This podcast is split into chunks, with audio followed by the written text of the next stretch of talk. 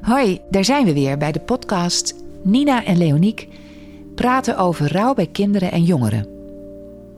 We nemen jou vandaag weer mee in de wereld van het rouwende kind.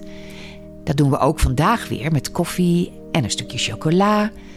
Want chocola schijnt ervoor te zorgen dat je je beter voelt. En dat kunnen we bij dit onderwerp goed gebruiken. Ik ben benieuwd. Over welke tip gaan we het vandaag hebben? Dat ga ik jou vertellen, Leoniek. Ik zag tip 16 in de gids over rouwende kids. Neem kinderen mee naar een uitvaart. Is dat nou wel goed voor ze? Kan heel verdrietig zijn, die lange speeches. Ja, de meeste kinderen hebben het geduld toch niet om zo lang stil te zitten. Oh, heel te herkenbaar. luisteren? Heel herkenbaar, ja, dat klopt. Ja, ja, ja goed, is dat nou wel nodig? Ehm, als je het hebt over geduld voor kinderen, dat hebben ze natuurlijk niet. En daarom zeg ik ook altijd dat het fijn is dat als je jongere kinderen hebt, dat er iemand stand-by is. Dat als je kinderen het echt niet trekken, dat die met de kinderen naar achter kunnen gaan of zelfs even naar buiten. Oké, Ja. lijkt me heel verstandig inderdaad. Maar goed, waarom is het belangrijk dat ze erbij zijn? Kinderen willen serieus genomen worden, ook kleine babytjes. Als jij later, nou jij of degene die luistert, een, tegen een kind kan zeggen: hé, hey, maar ja, opa was heel belangrijk en het was belangrijk dat jij er ook bij was, dan kun je foto's laten zien waarbij het kind ziet dat hij ook op de uitvaart was. Want het kind was dan dus belangrijk genoeg om erbij te zijn. En daarbij helpt het zien van de uitvaart of, of hè, van bij de begrafenis aanwezig zijn. Het helpt te beseffen dat het echt waar is, dat het echt gebeurd is. Kinderen hebben ook recht om afscheid te nemen. Dat doen ze ook door naar de speeches te luisteren, de liedjes die gespeeld worden, alles wat gezegd wordt. En het zijn vaak mooie woorden die lang blijven hangen. En dat hoor ik ook vaak van kinderen. Van nou, de juf van school had nog gesproken en die zei zulke mooie dingen over papa bijvoorbeeld. Ja. Ja, Ja, ja, dat beseffen. En daar heb je het eh, ook over gehad bij de podcast. Over kinderen Ja. meenemen naar een ja opbaring. klopt. Ja, klopt. En hier geldt hetzelfde voor. Dus ook niet alleen het beseffen, maar ook het serieus genomen worden. Dat ze het recht hebben om erbij te zijn. Dat ze belangrijk genoeg zijn. Helpt het eh, om kinderen wat te laten doen tijdens de uitvaart? Dat is echt een supergoed idee. Kinderen actief betrekken bij de uitvoering van een uitvaart is, is fijn. Het geeft kinderen het gevoel dat ze ertoe doen, dat ze iets bij kunnen dragen. Want dat willen ze graag. En soms kan dat zijn dat ze de kaarsen aansteken, of dat ze iets voorlezen, of dat zij de fotocollage maken. Dat zie je natuurlijk tegenwoordig ook veel bij uitvaarten. En dat is ook heel leuk voor jongeren om dat stuk op zich te nemen. En ik denk ook dat uitvaartverzorgers hier een actieve rol in kunnen spelen door te vragen aan het kind of aan de jongeren: hé, hey, wat zou jij willen doen? Ja. Ja, zeker. Ja, maar kinderen kunnen het natuurlijk ook super spannend vinden. Hè? Zeker om iets voor te lezen. Nou, absoluut. En daarom is het ook daar weer van belang dat er een backup is. Dat als jij, eh, als het kind daar staat en jij hebt afgesproken met het kind van joh, als jij gaat huilen of je kunt niet meer verder, dan kan ik het overnemen. Daar kun je afspraken over meenemen, eh, Ja. over maken. En Tuurlijk. Ik moet opeens denken aan een voorbeeld van een moeder. En zij had een zoontje van acht en twee. En zij was heel actief op de toneelvereniging. En toen zij overleden was, ze had dat, zij was ziek, dus ze kon dat goed voorbereiden. Dat wilde ze ook echt graag. Niet iedereen wil dat, hè, die ziek is, om dat goed voor te bereiden. Mhm. Maar zij, wil, zij wel. En zij wilde heel graag dat haar uitvaart in, ehm, in, in het eh, eh, theater werd gehouden. Dus haar kist stond op het podium en haar kleine zoontje van twee liep de hele tijd het podium op en riep bij de kist: Mama, mama, mama. Ja. En dat gebeurde een paar keer. Had zijn moeder ook in de kist opgebaard gezien, maar daar op het podium was de kist dicht. Mhm. En dat was heel mooi. Dat was een heel natuurlijk proces, want voor hem was mama in die kist. Maar ik zat daar achter in die zaal. Ik had natuurlijk verder geen rol. Zij was wel mijn cliënte geweest, maar alsnog, het is niet aan mij om daar dan iets mee te zeggen. Maar iemand ging met dat kleine jochie naar buiten. En ik vond dat wel een gemiste kans. Want Ja.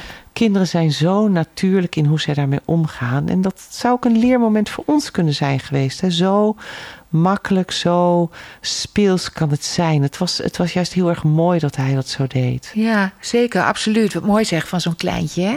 Maar hoe zou je dat dan eh, op kunnen vangen?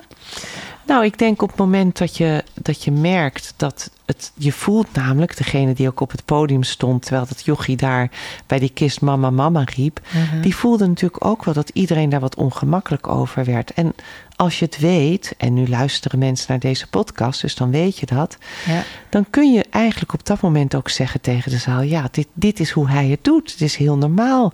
Het is zijn manier van doen. Voor hem ligt mama in die kist. Dus we gaan hem lekker laten spelen. Ehm, we gaan hem niet weghalen. En dat voelt misschien voor jullie ongemakkelijk. Maar voor hem is het belangrijk dat hij daar op die kist kan kloppen. Mhm. Ja, je moet het maar weten, Ja, hè? ja. Je moet Nou het maar ja. weten. Ja. ja. En daarom vind ik het ook zo fijn dat wij deze podcast maken. Om dit soort informatie duidelijk te maken. Ja, zeker. En mooi ook weer over dat betrekken bij de uitvaart. Want ook kinderen willen wat doen. Ja, ik, ik weet nog dat ik had een eh, puber in begeleiding. Zij kwam bij mij nadat haar zus was overleden. En een van de dingen die ze mij vertelde, dat ze zo dankbaar was voor de uitvaartverzorger die zij hadden gehad. Want wat was er gebeurd? Zij was een puber. Ik denk dat ze 14 of 15 was.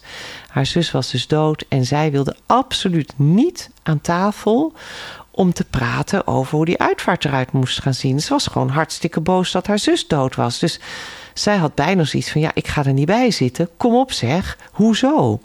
Maar die uitvaartondernemer die had volgehouden. En uiteindelijk kwam dit meisje erbij. En ze is een bijdrage gaan leveren uit die uitvaart. Maar later vertelde ze mij dus, ze zegt, ik was zo dankbaar, want dankzij deze uitvaartondernemer heb ik goed afscheid kunnen nemen. Hoe was het toch geweest Ja. als ik me daar niet mee bemoeid had? Als ik gewoon, af, ik had me verschrikkelijk gevoeld achteraf. Ja, kan ik, me, kan ik me zo voorstellen. Ja, maar het liefst blijf je ver weg van de werkelijkheid. Ja, hè? ja, ja. ja. En ook daarvoor is een uitvaart dus belangrijk. Dat je echt weet, dit is gebeurd. Je kan niet wegblijven bij de werkelijkheid. Zo is het gegaan. Hier komen we niet onderuit. De uitvaart regelen is, is ook een soort van een ritueel. Het is een onderdeel om je werkelijk te gaan beseffen. Het werkelijk tot je door te laten dringen. Dat, dat ja, die, die persoon dood is. Want je bent dit voor de overledene aan het doen. Ja, klopt. Heel herkenbaar. We hebben natuurlijk ook eh, al vele uitvaarten gehad en het Ja. regelen daarvan. En het echt, is echt iets wat je nog voor de overledene Ja, kan doen. ja. precies. Ja, en ik denk ook altijd, ook kleine kinderen mogen daar een onderdeel van zijn. En gelukkig zien we dat ook wel steeds meer. Hè. Zo kun je ook een klein kind, stel als die heel klein is en hij zou geen kaars aan kunnen steken of hij kan geen verhaaltje vertellen, dan kan het ook wel heel fijn en helpend zijn voor een kind om een tekening te maken en die als overlijdensaankondiging te gebruiken. Hoe mooi is het dat het kind laat als het groot is ziet dat zijn tekening daarvoor gebruikt is. Ja, dat is een heel mooi idee, zeg. Wauw. Moet er nog iets gezegd worden over dit onderwerp?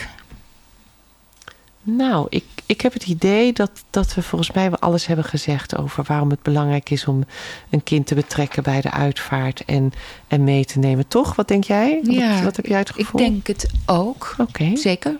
Ja. Bedankt weer, Leoniek. gedaan. En eh, tot de volgende podcast. Oké. Dit was de podcast Nina en Leoniek praten over rouw bij kinderen en jongeren. Ik ben Leoniek van der Marel, orthopedagoog, psycholoog en hypnotherapeut, gespecialiseerd in rouw en rouw bij kinderen en jongeren. Op mijn website Het Nieuwe Rouwen vind je allerlei informatie over rouw. Je vindt er blogs en vlogs en natuurlijk ook deze podcast.